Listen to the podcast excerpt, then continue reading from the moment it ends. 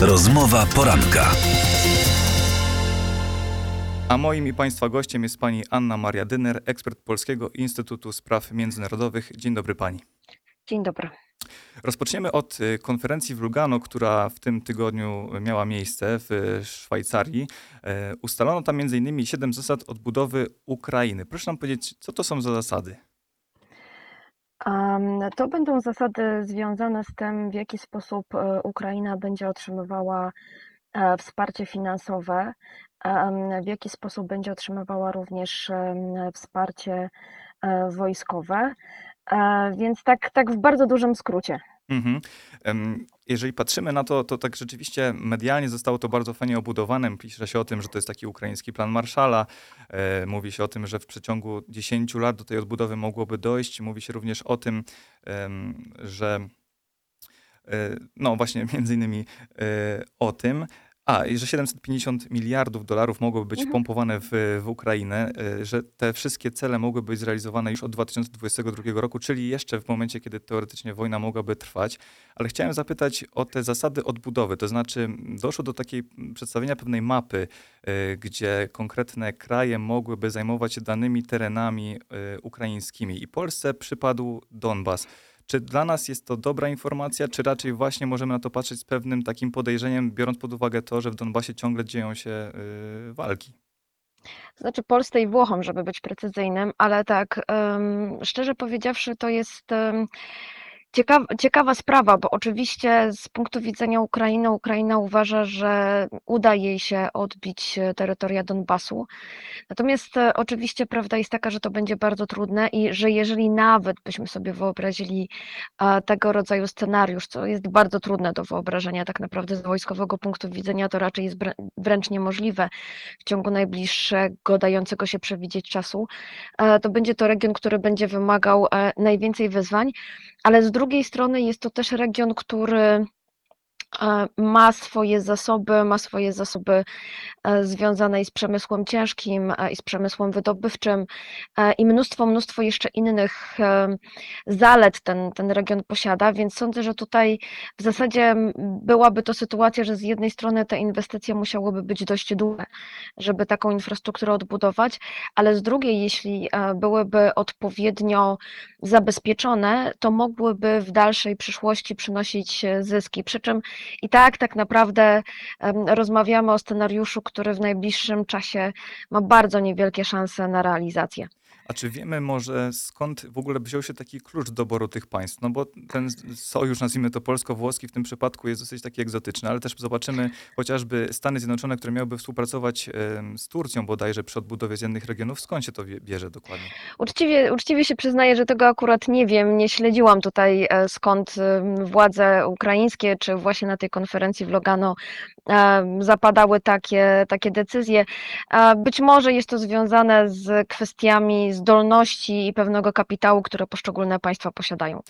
A jak patrzy Pani na samą konferencję w Lugano? To jest raczej zabieg pewien PR-owy, to znaczy mający na celu przypominać ciągle jeszcze o sprawie ukraińskiej na zachodzie Europy, czy rzeczywiście za tym będą szły jakieś realne mm, rzeczy?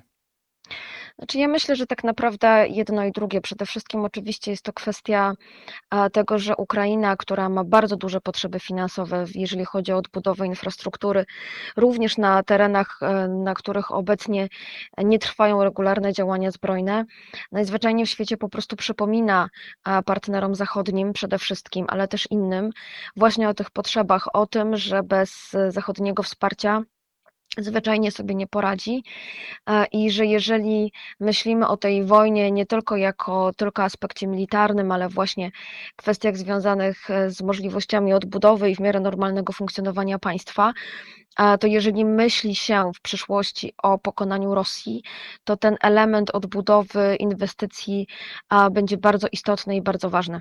To pozostańmy jeszcze na chwilę przy wątku e, wsparcia dla Ukrainy. Dotarłem do takich danych, które wskazują na to, ile dane państwo do tej pory poświęciło pieniędzy na to, aby Ukrainie pomagać. I Polska znajduje się tutaj na szczyt, zaszczytnym trzecim miejscu. My, z tego co widziałem, około 2 miliardów e, dolarów poświęciliśmy mm, tutaj w, jakby pomaga, pomagając Ukrainie. Na drugim miejscu znalazła się Wielka Brytania 2,5 miliarda, natomiast to pierwsze miejsce to jest miejsce, jakby kompletnie to pierwsze miejsce odskoczyło całej reszcie stawki, ponieważ to są Stany Zjednoczone, które wydały 25 miliardów dolarów na pomoc Ukrainie. I moje, moje pytanie jest takie, czy tak ogromna dysproporcja i to, że to akurat właśnie Stany Zjednoczone zainwestowały tak wielkie pieniądze w Ukrainę, świadczy troszeczkę o tym, że my mamy do czynienia z proxy war? Że tak naprawdę e, tutaj trzeba zwrócić uwagę, że przede wszystkim to są e, dane, które są nie, niekiedy wątpliwie metodologicznie, więc na to musimy, musimy też zwracać uwagę. To jest pierwsza rzecz. Druga rzecz jest taka, że one dotyczą przede wszystkim pomocy wojskowej. I tutaj ta dysproporcja nie dziwi, dlatego że Stany Zjednoczone jest to państwo e, i później Wielka Brytania. Um, są to kraje, które w zasadzie e, pomoc wojskową w dużej ilości zaczęły udzielać jeszcze przed 24 lutego i Stany tej pomocy cały czas udzielają. Dlaczego mówię, że tam jest wątpliwość metodologiczna? Bo nie wszystkie państwa, nie wszystkim chcą się chwalić. To są te rzeczy, które zostały tak naprawdę mniej więcej ujawnione, zwłaszcza jeżeli chodzi o sprzęt wojskowy, ale czasami bywa tak, że doskonale wiemy, że pewien sprzęt już jest, bo świadczą o tym na przykład y, raporty jednej bądź drugiej strony, e, a oficjalnie go teoretycznie jeszcze, jeszcze na przykład płynie albo jeszcze państwo e, donor e, nie wysłało, więc to jest jeden element. I oczywiście rosyjska propaganda bardzo mocno twierdzi, że jest to de facto wojna z NATO toczona na terytorium Ukrainy. Zresztą w zasadzie Sami w ten sposób e, też podchodzą do sprawy, bo Władimir Putin wielokrotnie podkreślał, że Zachód chciał zrobić z Ukrainy antyrosję, e, która byłaby bardzo istotnym zagrożeniem dla państwa rosyjskiego. Więc do pewnego stopnia oczywiście moglibyśmy stwierdzić, że jest to wojna zastępcza, ale tak naprawdę wywołana, sprowokowana przez Rosję z jej imperialnych pobudek. Natomiast e, tak naprawdę z naszego punktu widzenia Wsparcie dla Ukrainy jest kluczowe. Z kilku powodów, e, też z powodów bezpieczeństwa, im bardziej się Rosja wykrwawi, im większą będzie miała lukę technologiczną, im więcej sprzętu straci, tym tak naprawdę nasz region będzie bezpieczniejszy. Oczywiście nie znaczy to, że to bezpieczeństwo będzie dane raz i na zawsze, też będzie wymagało z naszej strony bardzo wielu inwestycji, wzmocnienia wschodniej flanki, sprawdzania w postaci ćwiczeń, ale nie tylko zdolności logistycznych NATO i tak dalej, i tak dalej.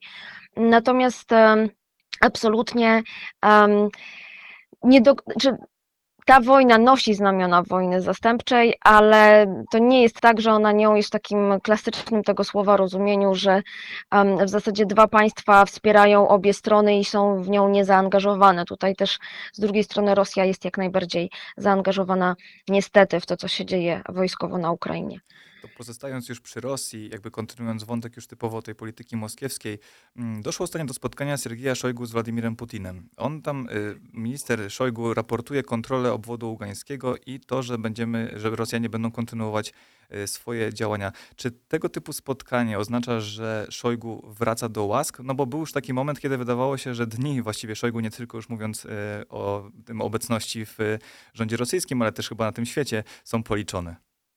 A, no ja właśnie takiego momentu przyznaję uczciwie nie zauważyłam. Tak naprawdę to są spekulacje prasy najczęściej na niczym nie oparte. To jest mniej więcej tak samo jak prasa wylicza na co jest chory Władimir Putin i ile zostało mu jeszcze życia. Więc tu bym była naprawdę bardzo ostrożna, bo ja wiem, że te nagłówki publicystyczne się fantastycznie sprzedają, a niekoniecznie za nimi coś stoi.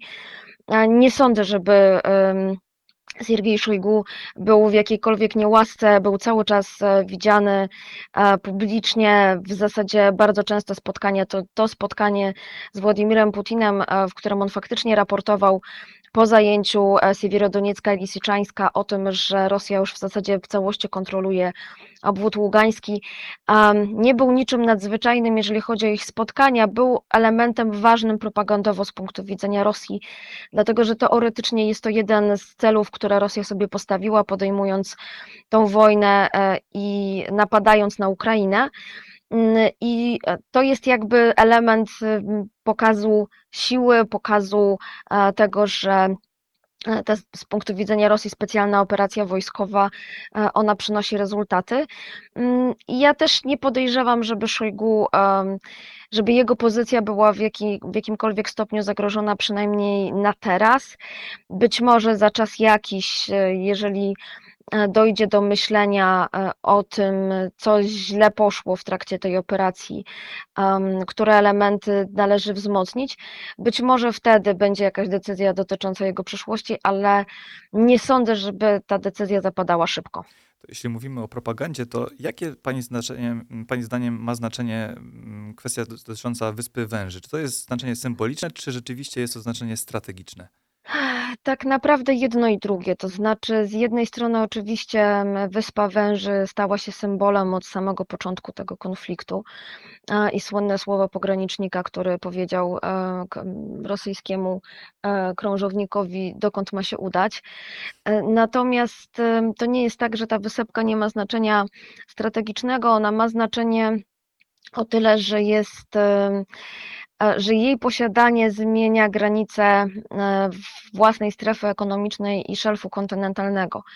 Mm, I w ogóle jak popatrzymy na historię tej wyspy, ona też w swojej historii należała do Rumunii. E, w zasadzie oba państwa po rozpadzie Związku Radzieckiego uznały ten fakt za stany, czyli że mm, ta wysepka przynależy do, do Ukrainy ale tamten szelf kontynentalny jest e, dość zasobny jak na tamtejsze warunki w węglowodory, w gaz i ropę, a więc na przykład możliwości wydobycia surowców mają znaczenie. I również oczywiście jest to też e, kwestia możliwości e, rażenia celów, jeżeli na przykład ta wyspa znajdowałaby się w rękach rosyjskich, to jest kwestia rażenia celów na terytorium Ukrainy, czy nawet na terytorium Rumunii, dlatego że jeżeli popatrzymy na mapę, to tak naprawdę stamtąd do rumuńskiej granicy też jest e, bardzo blisko, więc e, obie kwestie. I symbol bardzo istotny i oczywiście kwestie wojskowe i a, tak naprawdę gospodarczo-polityczne. To już na sam koniec chciałbym odnieść się do pewnej rozmowy, która ukazała się niedawno na portalu Defense24. Jest to rozmowa doktora Roberta Czuldy z profesorem Włodymirem Dubowykiem. I kiedy komentowała pani tę rozmowę na, na Twitterze, stwierdziła pani, że E, te najbliższe miesiące, można, można z tego wywiadu wnioskować, będą trudniejsze dla Ukrainy niż te dotychczasowe cztery miesiące wojny. Dlaczego tak właśnie ma być? Mogą być trudniejsze, to znaczy, e, powiem tak, jest tych powodów bardzo dużo. Przede wszystkim to jest e, kwestia zdolności do pozyskania sprzętu wojskowego, zdolności do zastępowania tych jednostek ukraińskich, które się wykrwawiły w trakcie działań zbrojnych na wschodzie tego państwa bo sami Ukraińcy otwarcie przyznają, że e, najlepsze doborowe jednostki w zasadzie przestały istnieć i że to będzie bardzo duże wyzwanie, żeby zastąpić e, tych ludzi osobami o podobnym stopniu profesjonalizmu. Więc e, z tym również wiąże się oczywiście kwestia stabilizacji frontu, to jest jeden element. Drugi element to jest troszkę to, od czego zaczęliśmy rozmowę, czyli kwestia wsparcia gospodarczego i finansowego dla Ukrainy. E, rozmawiamy owszem w lipcu, ale tak naprawdę kwestia zimy wydaje, jest tak naprawdę bliższa niż nam się wydaje. To jest kwestia zabezpieczenia uchodźców e, czy przesiedleńców wewnętrznych.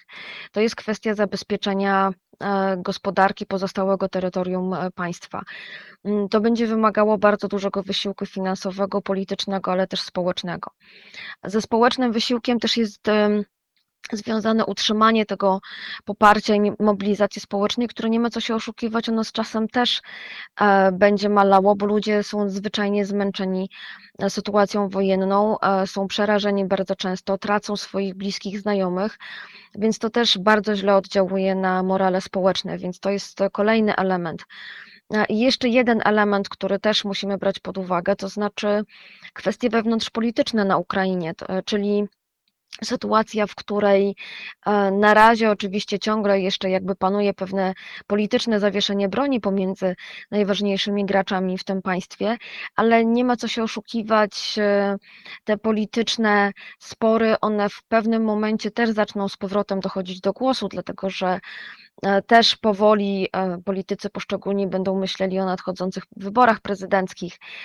Również w zależności od sytuacji na froncie może się zdarzyć taka sytuacja, że też i poparcie dla Wołodymyra Załęskiego będzie spadało, tak? Jeżeli ludzie uznają, że to, co się wydarzyło, jest klęską i on za to odpowiada.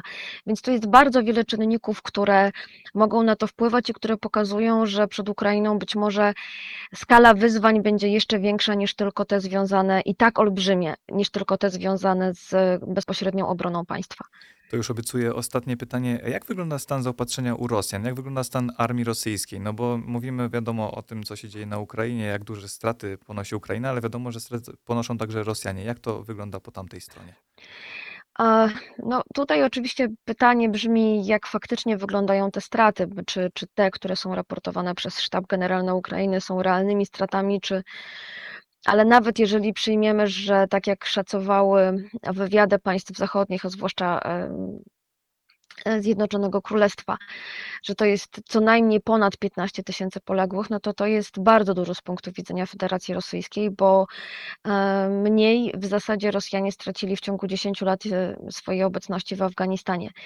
Mm, oczywiście Rosjanie poprawili zaopatrzenie, linie logistyczne, poprawili wiele elementów, które nie funkcjonowały w trakcie tej wojny. Też warto zwrócić uwagę, że oni się bardzo mocno koncentrują na pojedynczych celach i skracają tą linię frontu, co jest z ich perspektywy e, dość istotne, e, ale też tak samo jak strona ukraińska podkreśla, oni mają ciągle większe zdolności do zastępowania e, tych strat, które ponoszą na froncie ukraińskim Wołodymyr Załęski nawet powiedział, że owszem, na jednego Ukraińca ginie pięciu Rosjan, na jeden ukraiński czołg Rosjanie tracą pięć, ale mają przewagę 10 do jednego.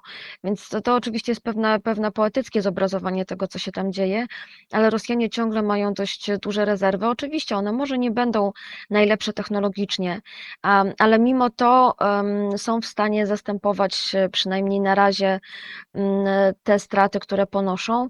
Oczywiście też przy przed nimi będzie bardzo wiele wyzwań, również związanych z kwestiami właśnie dofinansowania przemysłu zbrojeniowego, tego, żeby ten przemysł zbrojeniowy był w stanie pracować bardziej efektywnie, e, no ale tutaj ciągle ta przewaga e, w masie jest po stronie rosyjskiej. Pani Anna Maria Dyner, Polski Instytut Spraw Międzynarodowych. Bardzo dziękuję Pani za rozmowę. Dziękuję również. Siódma dziewiąta. Rozmowa poranka.